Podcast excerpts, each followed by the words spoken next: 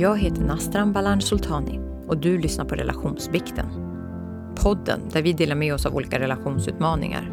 Vi pratar även om relationen till dig själv, din partner, professionellt och andra. Det här är den totalt ärliga podden som baseras på äkta relationer med dess ups and downs, sårbarhet och dysfunktion. I det här avsnittet får ni höra oss prata om vår tillit. Var har det brustit? Varför har vår tillit inte alltid varit den bästa? Och hur vi har jobbat med att stärka den. Vi berättar även om ett verktyg som jag har använt för att kunna identifiera mina tankar, som har stärkt vår kommunikation och även identifierat tillitsproblematiken. Välkomna till ännu ett avsnitt av Relationsbikten.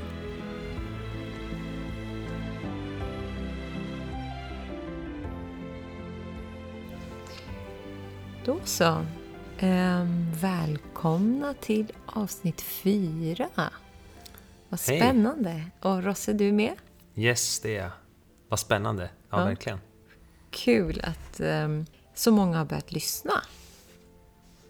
Ja, avsnitt fyra redan. Jag tycker det har gått väldigt, väldigt snabbt att komma upp i fyra avsnitt som det här blir nu. Ja, vi släpper ju dem en gång i veckan. Mm.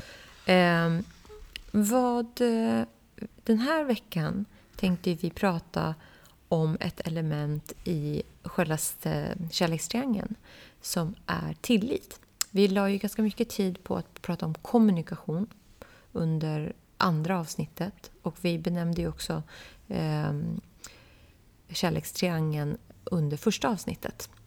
Eh, och andra avsnittet så handlade det lite om sårbarhet och därmed kommunikationens roll. Men vi tänkte att vi skulle gå in lite mer på tillit idag. Och Rosse, du valde ju det här lite som ämne, eller du valde ju det här som ämne för dagens podcast. Varför kände du att du ville att vi skulle prata om just det? Jo, men det var lite grann just att vi har haft den här diskussionen om just tillit och kommunikation eh, som är våra två olika styrkor. Jag är eh, starkare på tillitsdelen känner jag och du är lite starkare på kommunikationsdelen. Ehm, och det kan komma upp, det har, det har kommit upp diskussioner mellan oss Mm. när en av oss har bättre, varit bättre på det ena och nästan som jag har gjort då. Jag har liksom krävt mer tillit, eller velat ha, få mer tillit till vem Mm. jag numera är, eller har blivit. Um, Medan du fortfarande på sätt och vis kräver eller behöver kommunikation för att kunna ge mig tillit sen. Mm. Upplever du att det är li- lika mycket, för det här har ju varit en diskussion vi har haft mycket tidigare år, alltså när vi, de första åren vi var tillsammans. Känner du att det är lika, eller hur känns det? Jag skulle säga så här, första året vi träffades så fanns ju ingenting av det för jag förstod inte vad något av de här orden betyder. Så, egentligen. Uh, sen när jag började jobba med mig själv så kunde jag uppleva att även år två, år tre in i terapin Mm. och år två, år tre in i min inre resa där jag ändå hade, så här, gick ett tolvstegsprogram och läste mycket och var väldigt mån om att vi liksom talade typ, typ samma språk ändå. Mm.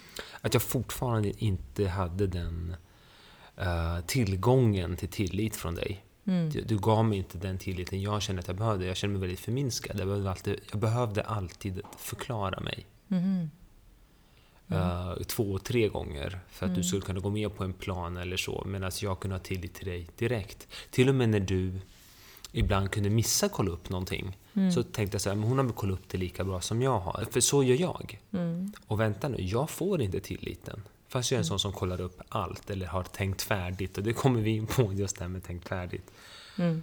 Och det är därför när jag tog upp det här med dig, så att jag skulle prata, att vi pratar om det här redan nu. Mm. Ehm, så var du lite skeptisk först. Men... eh, Jag tänkte att det skulle bli ett avsnitt där du klagar på mig. Jo, men eh, på sätt och vis var det jag som tog upp det här. Så för, för jag tror att det här är för att det är min styrka. Ja. Mm, Tilliten, att jag liksom Ja. är mer tillitsfull. Men du har ju sina förklaringar. För när vi pratade om vad jag menade och sen fick du berätta hur du såg på det idag.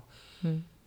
För så är det inte, li, det är inte lika mycket så här längre. Nej, jag upplever inte att det är ett lika stort problem. Men, eh, men eh, absolut har ju vi haft olika infallsvinklar och det beror ju såklart på olika saker. Eh, men det känns ju som att eh, en del av det, eller det, jag tror att det är till, vår tillitsproblematik har ju grundat sig i olika saker. Mm. Det har varit liksom olika element som har lett upp till att det är ett problem. Just det. Eh, dels så har det ju legat eh, en del, eller mycket, mycket har ju också legat i att jag har haft tillitsproblematik i form av Mm. liksom, där jag kommer ifrån. Oavsett om det, liksom, det har varit en av mina livs, livsregler att det är svårt att lita på män. Mm. Ehm, och det behöver inte vara en sanning i det. Eller det är ingen sanning i det. Men det Att blir... män inte är lita på Nej men precis, att, Mm. att män inte är att lita på. Och även till och med från kanske min barndom, men det var ju den sanningen som jag fick till mig. Eh, som har påverkat min syn. Så de, dels har ju det legat som eh, ett element. Sen har det ju varit att i början så kommunicerade jag och du på väldigt olika sätt. Liksom, Absolut. vi pratade inte om saker och ting på samma sätt. Eh, vi, vi, vi menade olika saker med, med eh, olika ord. Eh, vi, vi pratade helt enkelt inte samma språk. Eh, och vi hade också olika värderingar kring saker och ting. Så, eh, ja. Hade jag ens värderingar? Ja, det- Frågan om jag hade identifierat mina värderingar. Jag hade ju värderingar såklart, men jag hade inte identifierat dem, satt ord på dem, vad de var, vad gränsen Nej. gick för det ena och det andra. Jag visste inte riktigt. Nej. Och, och det, det, måste, det såg väl, du? Där jag behövde kanske förklara mig bättre förstås, har vi väl insett lä- längre fram. Och jag hade ju inte heller identifierat mina värderingar så tydligt. Jag visste väl ungefär kanske vad de var, jag visste vad som var viktigt någorlunda. Men det var inte jättetydligt för mig vad jag hade för värderingar heller innan jag började fundera på de sakerna. Eh, och, eh, och jag tror också att en aspekt var ju att jag upplevde ju inte dig speciellt medveten eh, eller insiktsfull. Eh, för jag upplevde ju till exempel att om vi hade en diskussion så på grund av att jag, i, i, speciellt i början när vi träffades, så jobbade jag väldigt aktivt med det här. Men vad är det jag känner? Vad är det jag tänker? Jag skriver dagbok dagligen för att identifiera mina känslor och tankar. Så, så hela tiden så bröt ju jag ner mina beteenden. Du brukar ju prata om det som the five whys. Alltså att man frågar sig själv fem gånger varför. Idag gör ju du det och du har gjort det liksom i några år. Um, för att verkligen identifiera med vad är det som är roten till det jag säger. Eh, och eftersom jag gjorde det så aktivt vid den här tidpunkten så kunde jag uppleva att när vi diskuterade saker och ting så kunde du bara säga någonting och jag bara kände så här men du, du ser ju inte ens varför du säger det här eller varför du beter dig så här. För att du, jag upplevde inte att du var speciellt medveten eller att du ifrågasatte, inte ifrågasatte, men att du inte tittade inåt på det sättet och liksom granskade dina beteenden på samma sätt. Vilket gjorde att jag kände liksom inte att jag kunde lita på det du sa, för jag upplevde att du, inte, du var inte ens ärlig mot dig själv. Nej, just det. Det kanske var lite det jag menade, precis att jag inte var ärlig mot mig själv, det du säger nu. Om att jag hade inte ens koll på mina egna värderingar. Mm. Och, och jag ska säga också att de här Five Whys är inte, inte jag som har myntat eller kommit på, utan det här är Nej. liksom taget rakt av från Lean-tänk, alltså Toyotas tänk eh, om hur man affärsutvecklar. Mm. Att man alltid ska ställa sig frågan fem varför, Mm. när någonting går fel eller när någonting kan förbättras. Om, eh, Varför blev det fel först? Och då ska man liksom gå till botten med det, för först då vet du också var, ut, var utmaningen ligger, så att säga. Mm. Så ja, okej. Så, så, så bakgrunden är lite grann att vi kom in i, i olika grad av utveckling, lite grann, olika grad av, grad av inre medvetande. Ja, inte så mycket utveckling, men mer, jo, men mer så här ifråga, Jo, men personlig utveckling. Jo, men, ja, men ifrågasättande, insiktsfullhet. Mm. Nej, men det jag menar är så här, olika människor kan ju ha, eh, med tanke på att jag behövde ju göra ett jobb för att hamna, landa i mina värderingar. Jag behövde göra ett jobb för att bli mer trygg i mig själv. Medan det finns ju människor, många människor där ute som inte behöver göra det arbetet men ändå är trygga i sig själv och har koll på sina värderingar. Just det. Så, så det här var ju två utav grejerna. Så dels var det min egen tillitsproblematik. Eh, dels handlade det om att vi inte menade samma sak. Och sen eh, har det ju också lite att göra med liksom det här med eh, konsekvenstänk av saker och ting. Just det. Att ibland upplever jag att du, säger, du, du, du, du påstår dig ha koll och sen har du ändå glömt vår dotters handskar när det är iskallt ute. Eller du glömmer saker och ting. Och det här var ju någonting som var mer aktuellt tycker jag. Jag tycker inte att det har varit så sista året när jag har varit liksom sjuk i min graviditet och inte kunnat vara så liksom, mobil av mig. Eh, eller rörlig av mig. Eh, och att du har behövt ta mer ansvar. Så därför upplever jag inte att det har varit samma sak. Men jag tror att och det, det är ju ganska intressant med liksom, om man går tillbaka forskningsmässigt så, har, så är det ju liksom att eh, jag lärde mig det om när det nu var, att när man föder barn, den som är liksom mer den omhändertagande, oftast är det ju, om man nu pratar en klassisk relation, eller klassisk, men en, liksom en, en, en, relation mellan en man och en kvinna, att det oftast är kvinnan som tar den rollen. Eh, mm. Eftersom hon liksom, naturligt bär på barnet och föder. Liksom. Och då, eh, när man då föder det här barnet, då ens amygdala, som är liksom rädslocentret eh, hos oss, den blir ju dubbelt så stor hos en kvinna, eh, eller hos den som är caretakern. Medan för den andra partnern så växer den bara 50 procent. Och det är ju någonstans för att vi ska verkligen liksom se oss om, vara, liksom, vara säkra på att vi liksom identifierar alla faror och liksom tänker de här tio stegen framåt för att, för att veta att liksom, men nu har jag mm. tänkt på mm. allt. Eh, och jag tror att det har lite, liksom lite varit det också, att jag har känt att men jag ställer de här frågorna för jag vet att du brukar glömma saker och ting. Just det, jag är inte lika, jag kan skjuta mer från höften för min amygdala är inte lika, lika stor. Lika Precis. förstorad. Ja. Just det, där ska man tillägga också, visst var det så att när det var gaypar till exempel så ja. var det i alla fall en som fick förstorad. Ja. Så det har inte med Nej, båda får ju förstorad. Ja, men eh, kvinnans så stor. Precis, kvinnans växer, eller precis, den som är caretaker. Caretakern, exakt. Så är den, blir den 100% större medan den andras blir 50% större. Och i ett samkönat par så, är den enas, eh, så blir den enas amygdala 100% större. Den som är primär caretaker, ja, eller precis. första kanske också. Så det handlar inte om kvinnligt eller manligt utan det handlar om vilken roll man tar med barnen. Just det. Okay, eh, ja. Så det har också varit en sak. Men... Okej, okay, så, så din amygdala har växt mycket mer än min och det gör att din är... Eh, din är lite... Alltså du är lite, har mer koll helt enkelt. Ja, men jag har i alla fall känt att jag har haft det och därför så har jag också kunnat liksom, därför har inte jag varit jag vet, du har liksom gång på gång glömt saker eller gång på gång inte mm. tänkt liksom de här två stegen längre. Eh, vilket har gjort att jag har känt att men då måste jag dubbelkolla för jag är inte villig att kompromissa vår, våra barns säkerhet till exempel. Men det där, det där jag vet, okej okay, du säger så, men det mm. där jag känner då ja. att att amygdalan växer. Så amygdala är ju rädslocentrum och ja. nyhetscentrum kan man säga lite grann. Ja. Att vi ska reagera på nyheter och vi ska reagera på ett visst slags ljud i djungeln, för det mm. är oftast en tiger eller någonting. Vi ska, vi ska reagera på det. Mm. Uh, det är därifrån det kommer. Då är det rädslobaserat, vilket också får konsekvenser av att du tänker ett steg till och liksom försäkrar dig och köper tre försäkringar, mm. till och med. Eh, bildligt talat. Mm.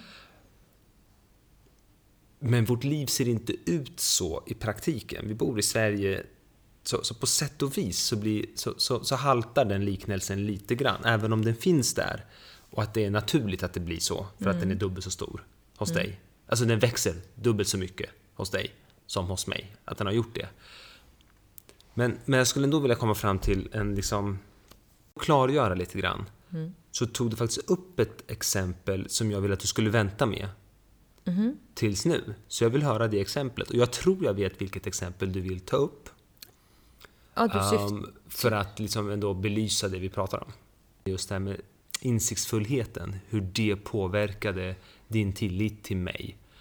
Mm. Berätta lite mer om Nej, det. Men alltså, jag tror inte det handlar så mycket om just de grejerna, utan det handlade mer om att jag upplevde att eftersom du eftersom du inte hade alltid koll på varför du gjorde vissa saker och ting förrän du började verkligen titta på det här och börja förstå dig själv och lära känna dig själv på djupet. Just det, jag ställde kanske två why-frågor. ja, eh, då kände jag så att det är svårt att lita på det du säger när du själv inte ens har koll på varför du gör vissa saker och ting.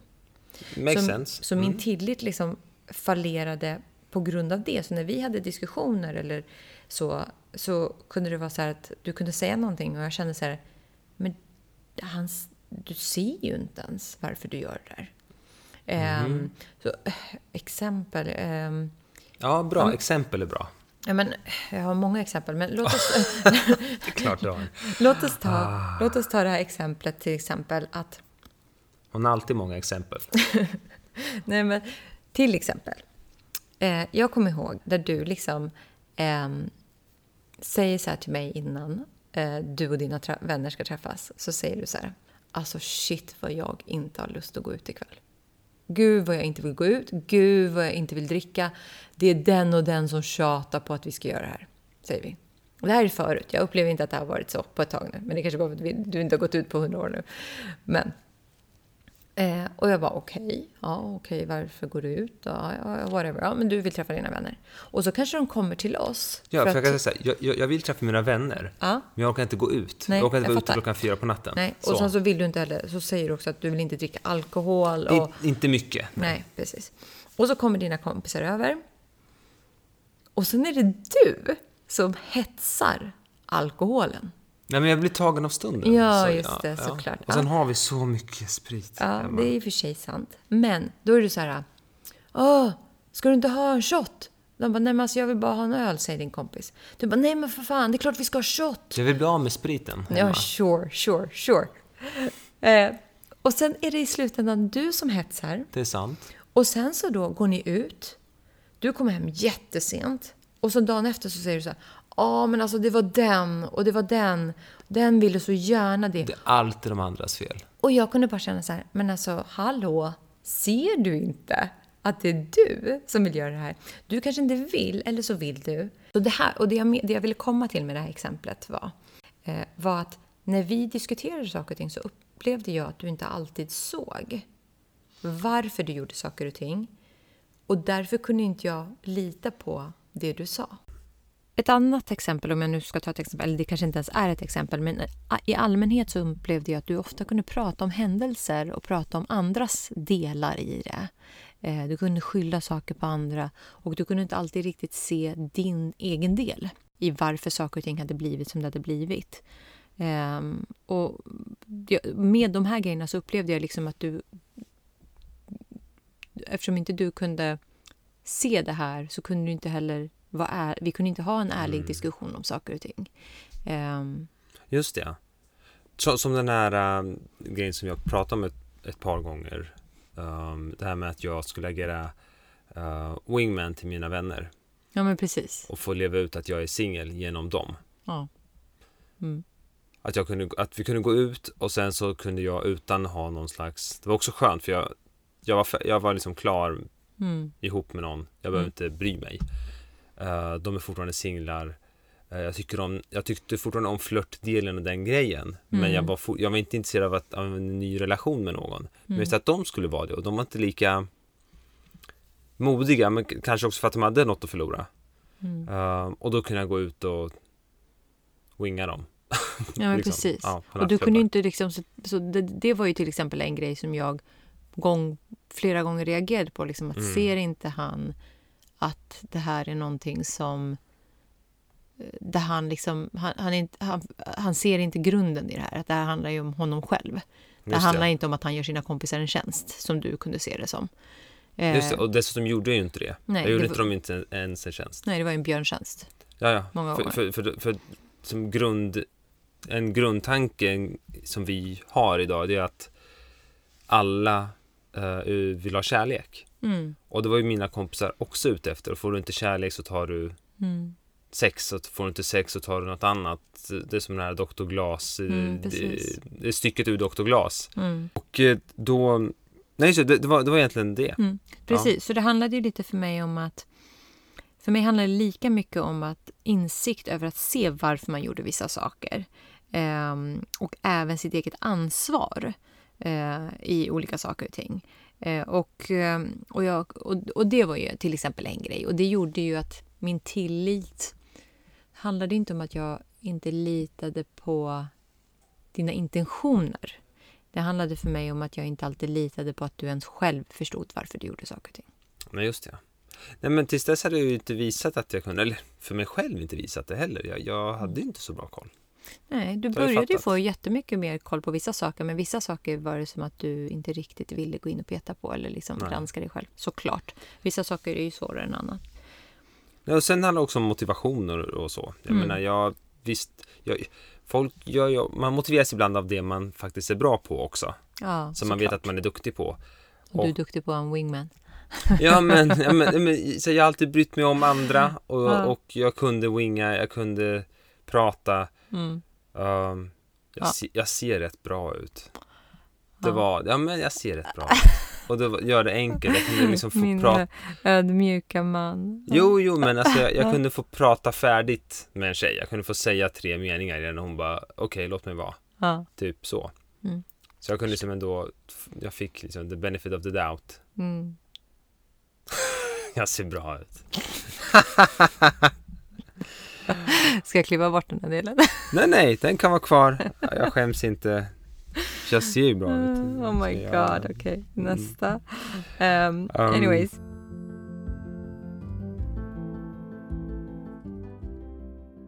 Du har ju gjort ett jättejobb med att liksom eh, lära känna dig själv bättre och, och liksom öka din medvetenhet. Och du har ju utvecklats hur mycket som helst. Men i och med att jag har varit så nära dig, så på ett sätt så borde jag se hela den här förändringen och utvecklingen, vilket jag har gjort. Samtidigt som jag tror att eh, en del av utvecklingen, liksom min bild av det, det har liksom läggat lite, lite som ett så här gummiband som inte riktigt hänger med. Den liksom, man drar ut resåret liksom. Eh, där jag hade liksom fortfarande en bild av dig att, nej men, du har nog inte alltid koll på varför du gör saker och ting. Eh, och det, det, liksom den stämpeln hade jag satt på dig. Och det är ju ganska intressant allmänt när människor förändras att man... Man... Eh, jag upplever att det är så när jag tittar också runt omkring och med, med många vänner och så att det är svårt att helt förändra bilden av vad man har av en person och speciellt någon som står en nära, upplever jag. Att liksom, det är inte alltid... Eh, eh den bild man har haft av en person byter man inte så lätt ut. Nej, absolut. Absolut är det så. så och jag tror inte vi är ensamma om det. Det finns ju... Det är klart, jag menar, det, och som du säger, det är de mest när- närmsta, eh, närmsta relationerna vi har. Um, och där har vi svårast att se förändringar. För vi har känt de här personerna hela livet. Ja, Och där tar det längst tid. Det finns confirmation bias. När någon annan gör någonting så... Och som människa så är det lättare att tänka att eh, ja, men jag visste det här om det, den personen. Jag tolkar in vad jag redan tror om den här personen. Nå- Det finns något annat som heter inference bias. Som Och vad också är att jag drar slutsatser utifrån... Uh, säg att du kommer, för, du kommer för sent. Då tolkar jag det att du kommer för sent för att du är en person som kommer för sent. Inte för att... eh, om jag nu brukar komma för sent. Ja, precis.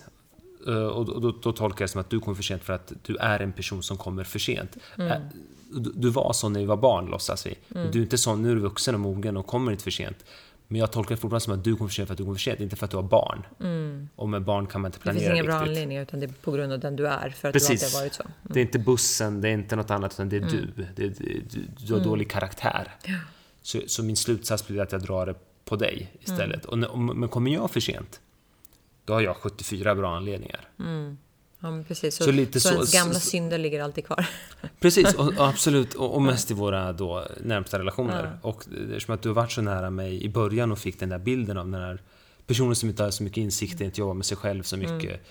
eh, så låg det kvar länge. Och det, och, det, och det förstår jag. Men jag är också sån som gång på gång kände jag då. Precis som du säger, jag kunde vända på en femöring så fort jag visste. så fort jag fick lära mig någonting nytt. Jag köpte in på det väldigt snabbt och så var jag färdig med det förra. Det var som att jag skrev över ett nytt program Ja, verkligen. en CD-skiva som liksom brändes bort och sen brändes något nytt över. Ja, det är ju verkligen en styrka hos dig. Alltså, jag säger styrka för att jag upplever att jag är ju mer känslomässigt kopplad till saker och ting medan du är ju väldigt, väldigt rationell. Eh, och jag, alltså jag är också ganska rationell. Men, men Mm. av oss två så är du väldigt rationell och jag är i så fall mer den som är känslomässigt kopplad till saker och ting. Eh, där du, bara du förstår saker och ting logiskt så kan ju du bara helt vända. Sen så får det Mm. känslomässiga liksom komma ikapp lite för dig. Eh, Precis, även- precis. Jag för- behöver inte ha köpt in på det. Nej. Nej, men du, bara, du börjar leva efter det liksom.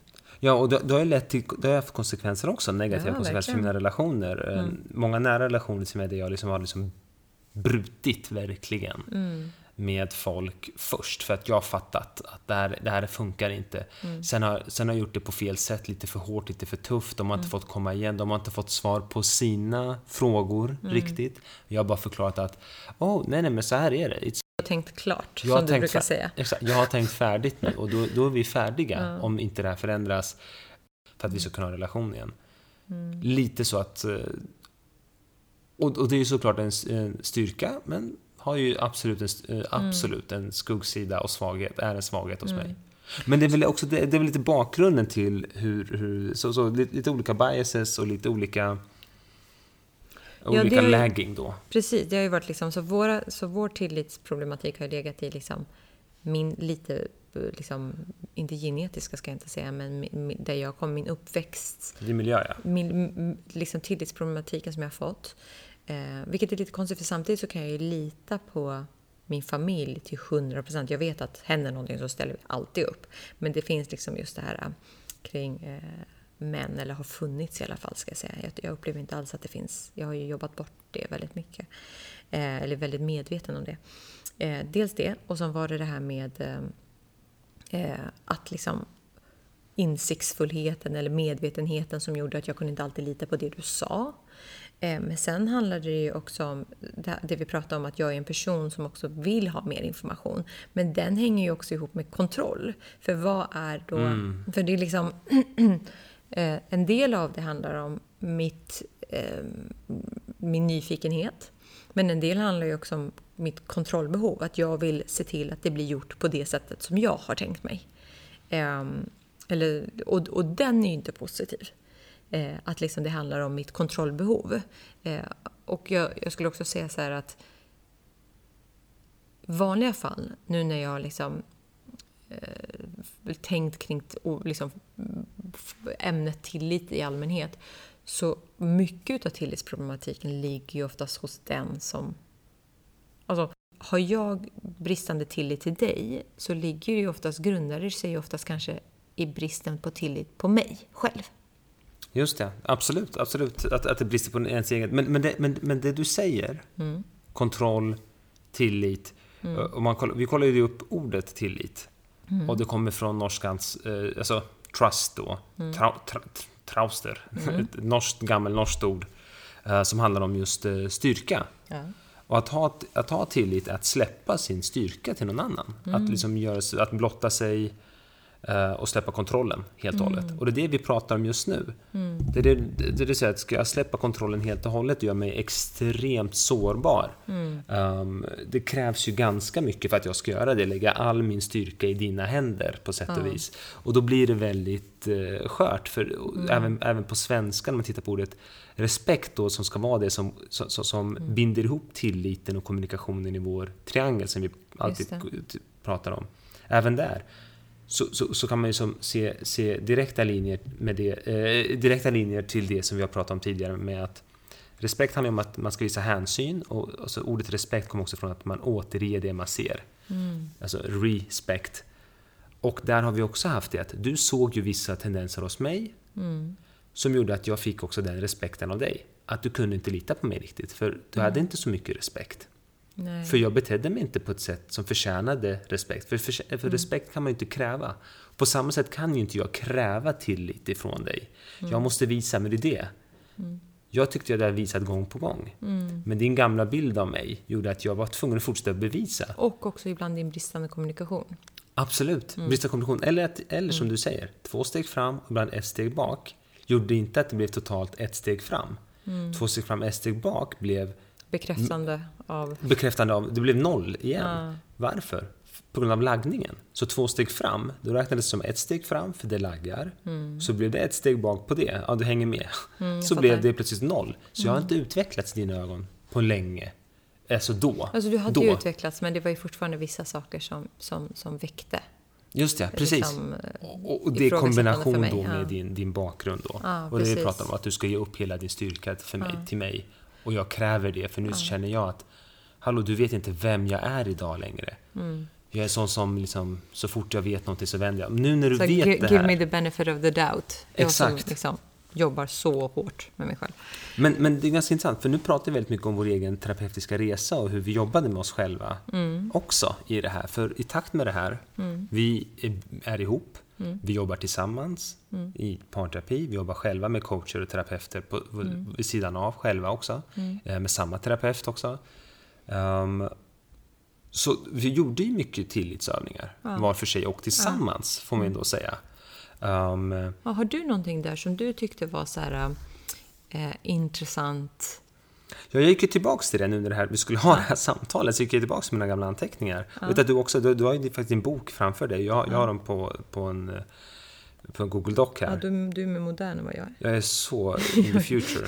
jag är så gammal. Jag är ju faktiskt ganska gammal. Eller jag ska inte ja, säga så. Det finns, kanske, det finns de som är mm. Men jag fyllde ju faktiskt 39. Exakt, och jag är ett helt år yngre än dig. Jag är 38 bara. Ja, eller, eller du, du kanske inte kan räkna så bra, men du fyller ju år i, i juni och jag fyller år i slutet på december. Ja, men jag är född 82, du är född 81 liksom. Ja, det, ja så det, sex månader. Ja, okej. Okay. Jag, jag ser 82, 81, ett helt år. Men okej, okay, absolut.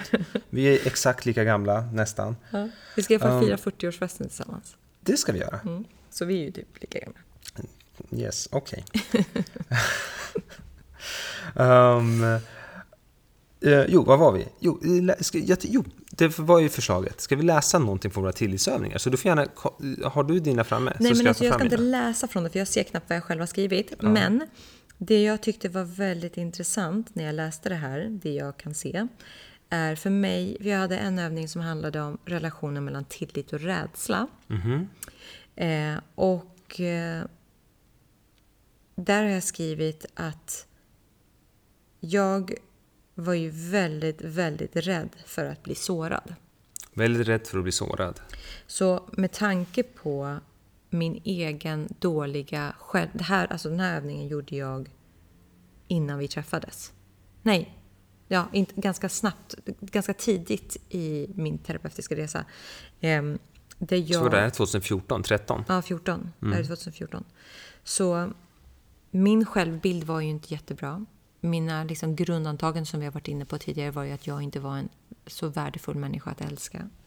Så att för mig så fanns det en jättestor relation mellan tillit och rädsla. För jag visste att om jag ska ge dig tillit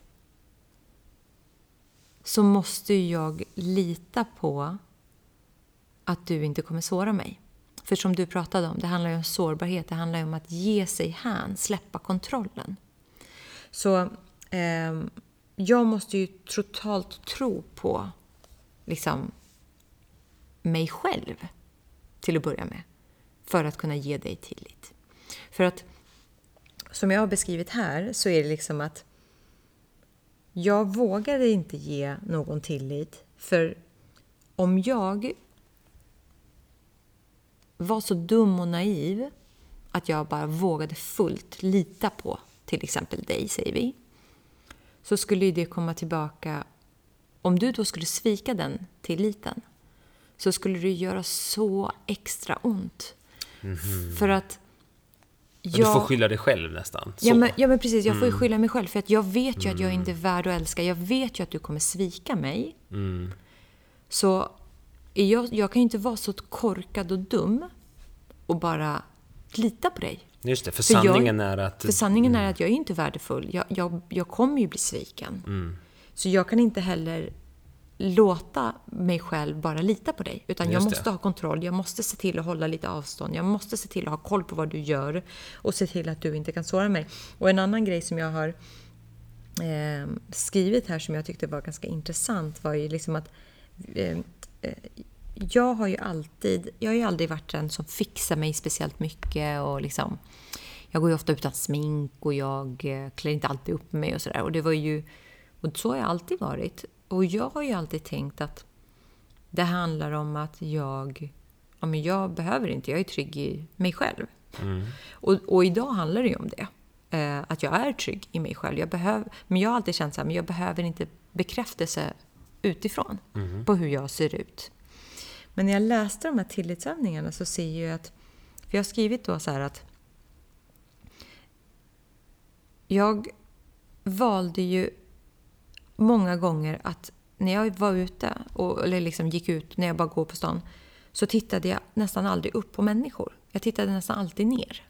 Ner i gatan. För att jag var inne i, dels i min egen värld, men dels också att om jag tittar upp och söker bekräftelse och ser att ingen bekräftar mig, då kommer ju det bekräfta bilden av mig själv av att jag är ful. Som jag hade. Mm. Men jag är så pass ful så att ingen kommer, när jag väl söker efter den här bekräftelsen eller smickret eller vad det nu kommer vara, så kommer ingen ge mig det. Nej, istället får du bekräftat det att inte du är, är så. ful. Ja, istället för att bekräfta att jag är Ja. ful Just det. så väljer jag att inte ens söka efter den bekräftelsen. Just det, för skulle du titta upp så enda grejen som skulle bli bekräftad är att du inte är vacker. Ja, i min Det sanning. finns bara det att hämta Ja. där ute. Precis, Så är det bättre att inte hämta något. Precis. Eh, och Och det är samma sak med att inte våga satsa på kärleken. inte precis, då är det lättare att bara... Så, och det är lite det här att... Mm. Nu ska vi inte gå in på anknytningsteorier, men om man då har den här eh, otrygga eh, anknytningsteorierna, ambivalent eller eh, undvikande. Mm. Så till exempel undvikande så har man ju lärt sig att inte visa känslor. Mm. För att genom att inte visa känslor så fick jag då närhet med mina föräldrar. Mm. Eh, så, och också när det börjar bli lite för, när jag börjar känna känslor så stänger jag också av dem. Och det är lite samma sak här att jag är så rädd för att bli sårad. Jag är så rädd för att san, den här, det här som jag är mest rädd för, det vill säga att bli sviken eller eh, avvisad eller vad det nu kan vara. Eh, det, är- det är en så stark rädsla och det är ett så starkt känslominne. Att då väljer jag att avvisa, eller jag väljer att stänga ute eller att inte visa känslor istället för att våga riskera det. För att jag, det gör mer ont att bli avvisad så därför tänker jag inte ens ge mig in i leken. Än idag så kan du hantera vissa av våra diskussioner så. Ja, jag Med att stänger du av. stänger av Ja, och eh, blir tyst istället. ja, Det gör jag när jag tycker det är riktigt jobbigt. Mm. Då gör jag det. När, när det liksom gått jätte... Då blir jag så här, jag, Men det är nästan så att jag vill bara en paus. Mm. Men du, du, du gör det att du liksom bara Mm. stänger av och blir hård och kall, så att säga. Inte hård ens, kall bara. ja för det, det gör för ont. Ja. Och när jag Hur känns det att läsa det här? Nej men alltså när jag läste det här så blev jag väldigt ledsen. För jag insåg liksom att shit, vad, vad dålig självbild. Hur såg jag på mig själv? Hur kunde jag liksom tycka så lite om mig själv? Det är så hemskt verkligen. Det här är två år in, ett år in i terapin. Ja, det här är bara några månader. Ja, det är ett år in i terapin. Precis. Nej, men det här handlar ju om att... Eh, nej, men det här handlar ju inte... När jag beskriver det här så handlar det lite om hur jag också har tänkt. Liksom att jag kunde se att jag har tänkt så här. Mm. Jag tror inte att jag nödvändigtvis tänkte så här om mig själv i det här läget. Men, att, men jag tycker det var väldigt intressant i alla fall att jag... Eh, att det finns en så tydlig relation mellan tillit och rädsla.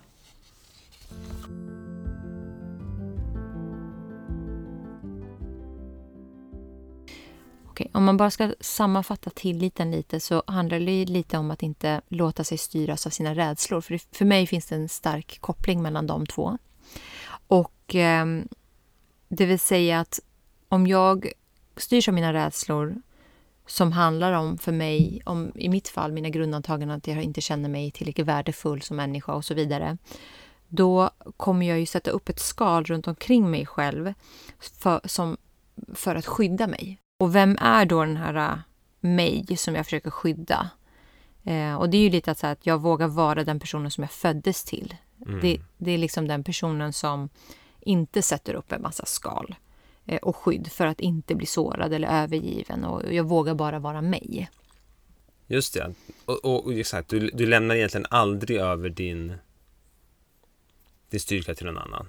Nej, om jag skyddar mig själv, ja. Just det. Och, liksom den, den, och vem är då den här jag? Jo, men det är liksom den här sårbara personen som vågar känna kärlek och vågar bli sårad och lämnad. För, att, för, för det kommer inte definiera mig. Att, att jag skulle bli sårad eller någonting händer definierar inte mitt värde. Eh, och det är liksom den skillnaden, att, vara, att kunna känna den skillnaden. Eh, och eh, liksom, jag kommer kanske att bli sårad, men jag kommer ju också att överleva och det betyder inte att jag inte är värd att älskas. Men, men förlåt. Ja. Nej, jag, tänker bara att jag tänker att det är så vackert hur vår son, Lorenz, som, Mm. som är nu åtta månader snart, går in i åttonde månaden. Ja. Han eh, vågar ju tro på att vi kommer när han skriker. Mm. Han, han, han är inte tyst, Nej, nej, även han, om han, han, har behov. han klagar ju tills vi bara... Han, han är så här, hallå, nu, Mm. nu, ska ni se mig. Jag behöver er. Exakt, Ja. och, och han vågar göra det. Han, Mm. han tvekar inte för han även så här. Han tvekar inte Mm. för att eh, vad han vet så ska han bara uttrycka sina behov om Mm. att bli älskad och eh, eh, nu fryser jag, nu har jag Mm. kissat på mig, nu vill jag ha mat, nu vill jag Mm. ha vatten.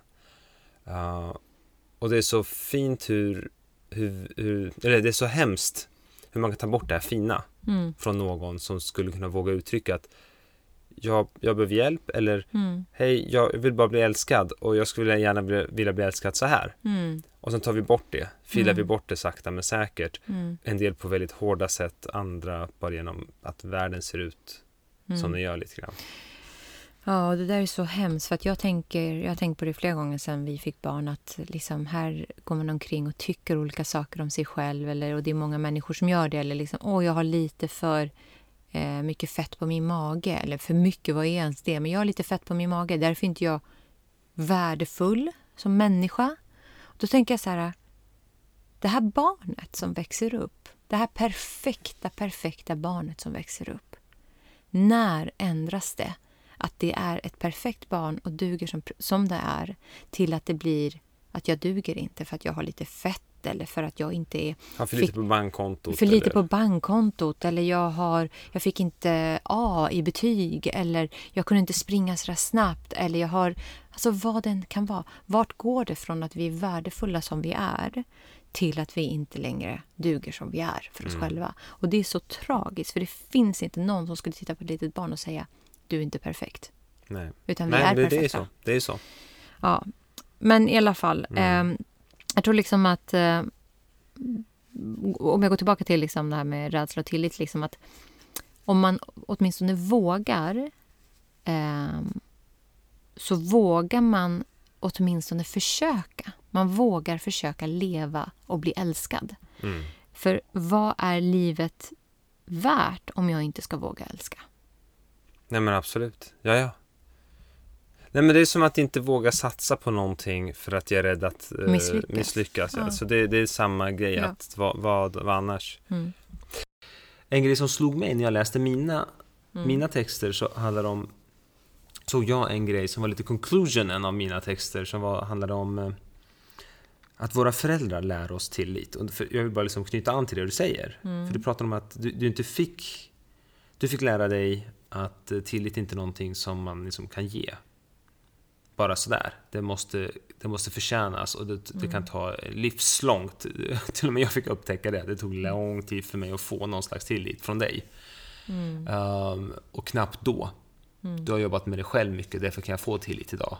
Och jag får också jobba med kommunikation förstås. Det var en grej som jag läste för hade inte jag jobbat med mina tillitsproblem, min tillitsproblematik så hade ju inte vi funkat säkert. Nej, just det. Nej, nej, nej. Det är, det är definitivt inte gjort. Och speciellt Nej, inte med absolut din bakgrund, för den triggade ju mig extremt mycket. Ja, den hade till och med bekräftat bara att du hade rätt. Ja, ja, precis. För jag var ju, Ja. jag var ju en bekräftelse på att du hade rätt. Ja. För jag var ju ingen... Mm. Så du inte blev ju, så här, någonstans blev ju du den, den bästa utmaningen och eh, läxan för mig. Just det. Alltså, Undantaget att, att jag som- kan komma att lita på en människa som har haft en relation, ett liksom relationsmissbruk och också porrmissbruk med min problematik. Det måste ha varit liksom så här, det är nästan lite komiskt. Ehm, Ja, jag, jag är ju den sista du skulle träffa. ja, jag skulle behöva träffa någon som var så här hel, ylle, trygg. ehm, liksom. ja. Mm. ja, men anyways. Men du blev en bra läxa för mig. Jag har jobbat hårt på det. Mm. så det var ju bra. Tack. Jag har fått, Ja, jag har förlåt, fått nu avbröt av jag det. dig. Nej, det är ingen fara alls. Um, det är också en bra insikt. Att jag ändå var en, en rejäl utmaning. Mm. Men det är också det liksom att våra föräldrar är de som lär oss först att lita på dem. Om vi har ganska normalt funtade föräldrar, behöver inte ens vara excellenta föräldrar, utan bara tar hand om sina barn och ger dem mat och närhet, värme. Mm. Det, det är liksom det basala. Man ger barn det så får, så får de väldigt mycket. Ehm, de lär oss att vi ska lita på dem. Och sen gör vi det efter ett tag. Och sen så märker vi att vi börjar lita på dem. Och, då vi kan, och, så, märker och så märker de också åh, de börjar lita på vuxna. Gud vad bra, gud vad bra. Och sen kommer en dag de litar på andra vuxna också. Fler vuxna än vad de ska. Jag tänker på exempel du tog med att Lulu häromdagen öppnade dörren när du var med Lorenz. Mm. Du gjorde någonting med Lorenz i ett annat rum, skulle mata honom tillfälligt och du brukar stänga om dig lite grann så att inte Lulu kommer in och du var ensam hemma med dem. Varpå du hör att Lulu går och öppnar ytterdörren. Mm. För hon tror att någon har knackat, men det är lite lyhört utåt. Mm. Så att när någon drämmer igen dörren, någon granne, så låter det som att någon liksom knackar på eller gör någonting hos oss också. Mm. Och då låser hon upp dörren och öppnar. Ja, precis. Ja, för den är ju väldigt intressant för att vi, vi pratar ju liksom, när någon kommer och knackar på och vi är hemma så säger vi så här, Åh Lulu, någon knackar på dörren, ska du gå och öppna? Och Just så det. ger vi henne liksom så beröm för att hon är så stor och kan öppna dörren själv och så vidare. Och vi liksom, Att hon kan lita på att den på andra sidan dörren är en vän och du Ja, varsågod och du är så precis. stor och... Ja. Ja. Och sen så i en, an, i en annan situation så får hon liksom tillrättavisa, för jag blev jätterädd när hon hade varit och öppnat dörren. Mm. För jag tänkte så här, det kan ju stå en galning där ute. Och bara plocka ut henne. Och plocka ut henne och jag har inte fattat. Och så kommer jag ut och så är hon borta. Ehm, så jag blev så här, Lulu du får aldrig öppna dörren när jag, när jag eller en pappa eller någon vuxen inte är med dig. Eh, liksom, du får öppna dörren när vi är med men du får absolut inte göra det. Du får aldrig, aldrig göra det. Och hon blev liksom så här jätterädd och skärrad. Eh, och det är liksom, liksom väldigt paradoxalt att ena sekunden så säger vi Varsågod, öppna dörren. Nej, men inga du fel." ska ha tillit och Ja, du ska, du ska lita på det här är farbror människor. Ja. X och du kan krama honom, det är okej om Ja. du vill. Eller det här Och är andra farmor. sekunden så säger ja. vi världen är farlig. Just det. Ja men exakt. Och, och du kan inte lita på alla. Mm. Och det är det, det är det jag menar. Det blir lätt det. Och får vi lära oss det andra Mm. utan förbehåll. Du kan inte lita på någon. Mm. Då blir ju det en regel i vårt liv. Och får vi den regeln med oss då... Och det är det vi har fått lite grann. Det blir Mm. nästan lite utan förbehåll. Man kan inte lita på någon. Det är lite en sån regel jag fick sen. I Ja, början fick fick jag, det? jag fick lite sån regel. Man kan inte lita på någon riktigt. Jag köpte den dock inte riktigt. Men hur som helst, så, så, så att det var en av de grejerna som, som stod hos mig. Men sen, framförallt så står det ju när jag tittar tillbaka, och det är ganska ironiskt, att man kan inte få tillit eh, utan att vara skicklig på att kommunicera, har jag skrivit. Och det är ganska kul för vår diskussion. Hade jag bara följt vad jag själv hade skrivit i min terapi för tre, fyra år sedan, istället för att och tjafsa med dig om att jag kräver tillit, hade jag bara velat kommunicera bättre och mer. Möt, ditt- möt upp dig på det. Ja, för vi har ju också haft lite diskussioner där jag upplever att vi har ju, vi liksom... Vi har ju oftast varit väldigt ärliga med varandra eh, och det har inte funnits någon så här äh, dömande av den andras tidigare liv. Men just det. En husgud hos oss är Esther Perel. Ja, Och hon pratar lite om det kring att säga så här, om du inte kan ha hemligheter mm, för din partner, har man då tillit till varandra? Och hemligheter, så länge... mm, Jag, jag tänker att gränsen går, så länge jag inte skadas så att vi skadas, så är min hemlighet min hemlighet och det är okej. Det spelar ingen roll, så länge jag inte skadas så att vi skadas. Om det är någonting som jag går och tänker på och kan släppa snart, och jag inte vill berätta det, då är det okej. Men om jag går och tänker på något så mycket att jag liksom tappar bort oss eller barnen eller någonting, då är det dags att att dela och säga att du, det är en grej jag tänker på och det är det här. Men är det inte det, och jag vill behålla den här hemligheten, det får jag ha. Så mycket ska jag kunna få och jag, ha. Och jag håller med. Så. Jag håller med. Jag tror så här att det, man behöver inte berätta allting för varandra. Eh, jag tror att det är viktigt att man har liksom tydliggjort vad har vi för regler. Liksom, vad, vad går våra gränser kring det Mm. eller det eller det. Och sen håller man sig till det så behöver man faktiskt inte berätta allting. Nej, just det. Jag tror att skillnaden har varit att eh, jag, för mig har det inte varit viktigt att du berättar vad det är. Men när jag kan se så här, men du, nu reagerade du jättestarkt. Mm. Eh, eller du reagerar överhuvudtaget och så säger jag så här, du, är allting okej? Eh, det känns som att du reagerade på det här. Eh, så säger du så här, nej, nej, nej, allting är helt normalt. Inge, det är ingen, ingenting alls. Eh, då hade jag hellre velat att du sa så här, ja, det, var, det, det kändes lite olustigt, men det är ingenting jag vill prata om eller det är ingenting jag vill berätta om. Mhm, Ehm, Just man kan kommunicera att man inte vill prata, menar du då? Ja, precis. absolut. Återigen, man kan kommunicera det. Och det är det som jag har varit lite så här, ah, skit i det, det är lugnt, jag löser det. Mm. Lita på det. att jag löser det. Ja. Ja, men det är väl, det är väl lite grejer, alltså det som kräver tillit måste bli bättre på kommunikation. Mm. Det är väl liksom en grej som jag eh, tar med mig från det här samtalet lite grann, skulle jag vilja säga. Men också när Mm. jag tittar tillbaka på mina anteckningar från flera år sedan, att jag skrev faktiskt det här. Mm. Så det var inte bara snygga ord jag skrev för att min terapeut skulle bara Åh, det har utvecklats, grattis, här får du en ny badge. Ja. Du får VG. Exakt. Uh, ja. Och den som kräver kommunikation för att bli övertygad kanske också då på sin sida släppa lite av sin kontroll. kontroll. Och, mm. och, det och min kontroll är ju också så här, dels är det min kontroll men den är ju också riktat, alltså en del av min kontroll handlar ju också om min perfektionism. Att jag mm. vill få det på mitt sätt och jag vill att det ska vara perfekt. Eh, som då blir liksom, som du kan då uppleva som ett tillitsproblem för att jag ska gå in och kontrollera. När det egentligen är, och det ligger ju hos mig då. Mm. Liksom, det. Mm. Men jag också liksom... Eh, Perfektionismen alltså, okej. Okay. Ja, precis. Så, men vad skulle du säga, hur, hur, hur har du jobbat med... Eh, vi har varit inne på det i och för sig. Du har ju nämnt det.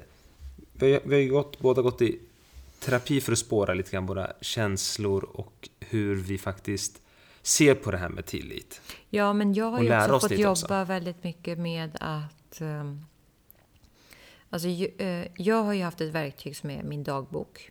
Just det, jag, skri jag, jag skriver ju inte lika ofta i den, men i många år skrev jag ju dagligen i min dagbok. Mm. Nästan dagligen. Um, för jag behövde gå tillbaka och identifiera var en känsla kom ifrån. För på grund av min ätstörning också, mm. så min ätstörning kom ju till när jag fick ångest. Och det var ju ganska ofta som jag fick ångest eftersom jag var en så kallad duktig flicka som skulle prestera högt och jag jobbade på ett företag där man det finns väldigt många mycket duktiga, kompetenta människor. Eh, så satte jag en press på mig själv och jag eh, hade ju inte rimliga förväntningar eller krav på mig själv. Så för att jag skulle identifiera mina känslor och tank, var det här kom ifrån, så jobbade jag väldigt mycket med dagbok som verktyg. Så när jag kunde känna någonting hos oss eller i vår relation eller där jag fick en känsla som var olustig, då satte jag ofta mig ner och skrev. Jag vet. Ja. jag kunde komma hem och du sitter med dagboken. Och då visste du att någonting är fel? Någonting är fel, jag kommer få höra det sen. Men jag kommer få höra det... Um, din slutsats. Precis. Vilket just nu är det inte så bra, för annars Nej. hade inte du skrivit så frenetiskt Nej, och, och sammanbitet. Knappt sagt hej, hej när du kommer hem.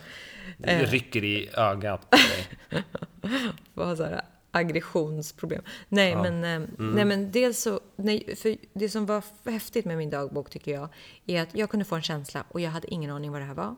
Och sen började jag skriva och så skrev jag och skrev jag och så, så kunde jag liksom, liksom, liksom, vad heter det? Bearbeta det? Nej, men inte bearbeta, utan eh, Reflektera. Kron kronologiskt mm. baklänges gå tillbaka till vad var det som hände som gjorde Lite five whys och lite ja, så, okay, ja. Men, och det var inte alltid bara vad som hände, utan vilken tanke var det mm. som gjorde att den här känslan väcktes hos mig.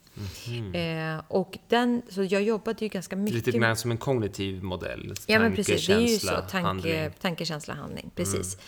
Eh, och eftersom jag oftast kände känslan, vilket var den här ångesten, och jag kände och jag handlade genom min ätstörning, så behövde jag liksom komma till roten. Så här, vad var det för tanke? För jag kunde inte alltid bryta handlingen. Jag behövde komma till roten som var, vad är det för tanke? Och är den här tanken rimlig? Och jag jobbade ju med det här eh, även i vår relation när det kom till tillit eller allmänt när jag var upprörd över någonting eller hade starka känslor kring någonting. Då satt jag mig och skrev och det gjorde ju att jag kunde verkligen bli mer konstruktiv i våra diskussioner och våra mm. dialoger också. För jag kunde ju verkligen vet du vad, det här ligger hos mig. Jag eh, känner liksom att eh, vad det nu kan vara. Eh, eller så kunde det vara att jag kunde känna så här, men du, det var det här. Och, och jag upplevde att våra diskussioner blev mycket mer sårbara och också mer öppna och ärliga på grund av den här dagboken som, som verktyg. Eh, Vilket verktyg då? Ja, den, jag, den här dagboken? Verkligen.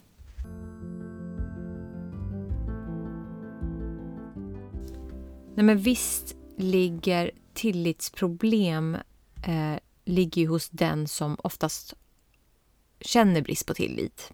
Eh, och visst att du har haft och det har ju funnits anledningar till att jag inte har helt litat på dig också. För man måste ju titta på bådas beteenden här.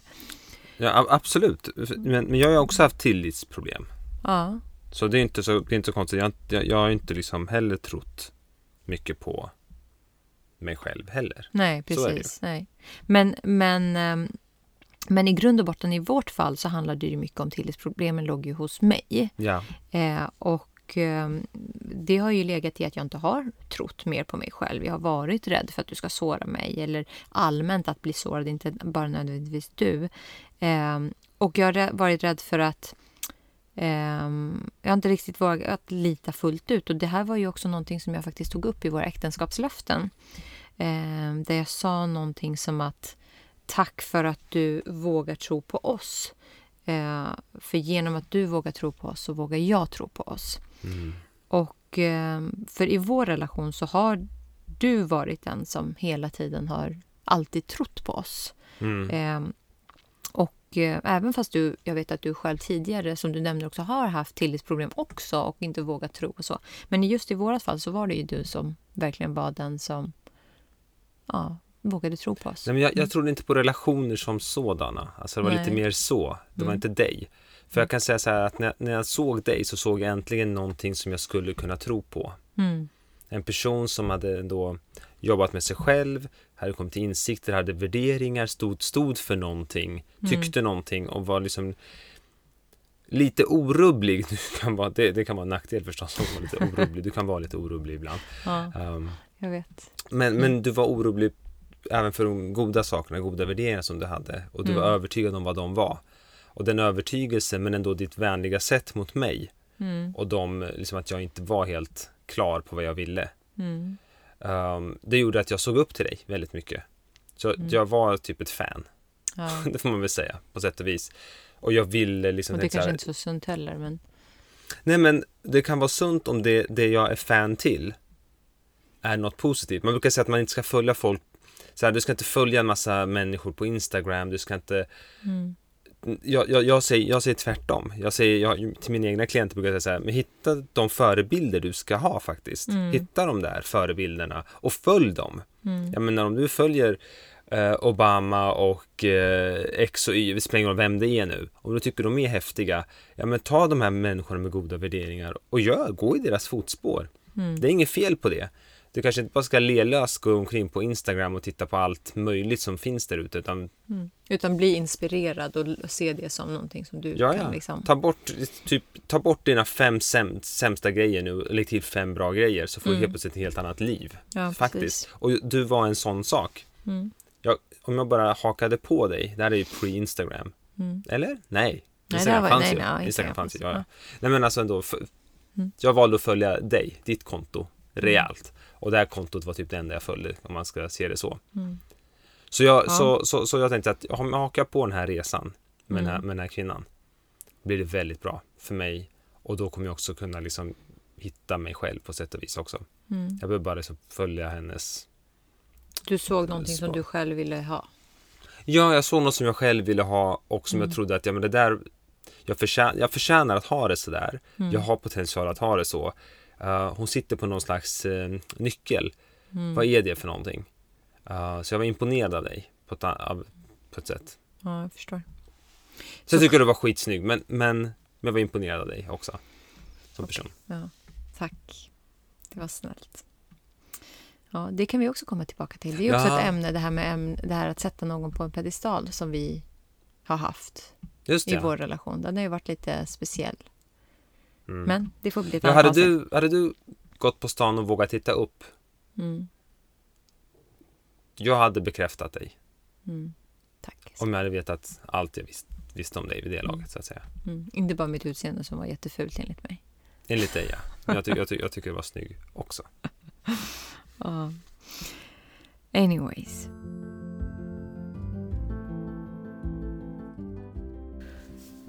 Ja, nu har vi pratat om en massa olika saker.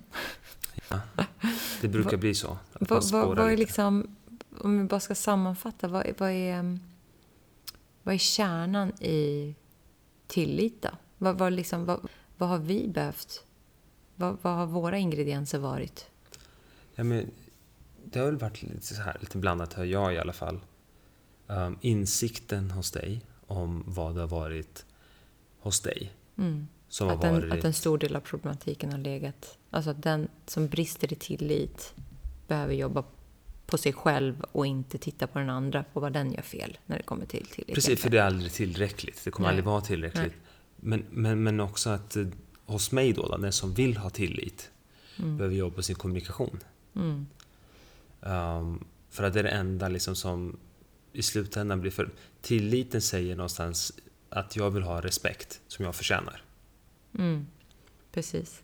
Men hur ska, hur ska du veta det om inte jag kommunicerar på rätt sätt? Att kommunicera handlar inte om att jag pratar bara. Nej. Utan det är handlingen. I slutändan är det handling allt. Och för oss har det varit, liksom som du säger, det har inte alltid handlat ärligt Rosse, säger du. Och du har tidigare haft en historia. Och det finns de här ingredienserna och sen finns det de här grejerna som ligger hos mig.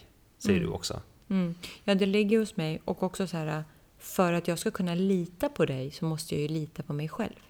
Just det. Precis. Jag Så litar många- på mig, mitt eget värde, eh, min, vad jag gör, hur jag agerar, då kommer jag också kunna lita på dig.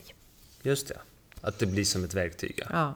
Så kommunikation, förståelsen hos sig själv och varför, ens, varför det ens finns en tillitsproblematik. Och I vårt fall så handlade det om mig, men dels också handlar det om att vi behövde jobba på din ärlighet och din medvetenhet egentligen. Det. Eh, och, också din, eh, och stundtals din kommunikation och stundtals min att jag behöver släppa kontrollen. Jag kan inte ha den kontrollen och, och jag, behöver inte, jag behöver släppa min perfektionist. Det behöver inte vara på mitt sätt hela Just det. tiden. Och ett verktyg du har använt för att hålla det, en plattform som kallar det, Mm. har varit din dagbok. Som du ändå beskrev hur den har liksom hjälpt dig fram. Ja, och den har ju inte varit så mycket för att liksom hjälpa mig bara rent tillitsmässigt, utan den har ju handlat om att identifiera vad saker och ting egentligen handlar om och därmed kunna gå till roten av saker och ting. Eh, och, och därför kunna ha en bättre kommunikation kring vad det är jag känner. Just det, en bättre inre kommunikation för dig själv ja, också. Ja, precis. precis. Ja, men det är återigen, det är en av dina styrkor. Ja. Det här med kommunikation. Även Mm. din inre kommunikation har varit stark. Ja. Som jag har fått jobba hårt på. Ja, Mm. Precis. Eh, och så då har vi Mm. pratat om vi har pratat om kommunikation mycket. Det om man tittar på kärlekstriangeln så har vi gått djupare in på kommunikationen, med liksom känslostunden och så. Vi har pratat om tillit och vad, vad vi har fått jobba lite på kring det. Och sen är det ju respekten kvar. Just det, Eh, men den, den touchade vi den här gången. Ja, Hur den kommer in här. Men det är ju Mm. någonting vi ska kunna diskutera längre fram. Eh, Jag skulle också vilja prata om respekten för sig själv, självrespekten. ja, den är viktig. Men det, det är någon annan gång. Det är verkligen en annan gång. Okej. Så tack så jättemycket för idag. Hoppas, ni, hoppas det gav någonting att vi pratade om, äh, om tillit. Eh, Mig gav det mycket för oss, kände jag. Jag fick lite klarhet och jag fick lära känna det lite mer, kände jag faktiskt. mm, spännande. Mm. Jag tyckte det var intressant också att gå tillbaka till de här gamla övningarna. Ja, verkligen. Tillitsövningarna som Fem jag år har fått jobba. fyra år sedan. Mm. Ja, sex år sedan för mig. Precis. Eh, tack för idag. Så gillar ni det ni hör, gå in och ratea, kommentera eller promen eh, promenera, prenumerera på podcasten eh, så att ni inte missar när vi kommer med nya avsnitt. Och eh, vi är jättenyfikna vad ni tycker så skicka jättegärna in synpunkter och frågor eh, som ni vill att vi lyfter under våra avsnitt. Och ni kan också gå in på relationsbikten på Instagram och följa oss där, där ni ser vad vi eh, lägger upp eller så. Så tack så jättemycket och ha det så fint. Tack för oss. Tack så mycket. Hej då! Hej då.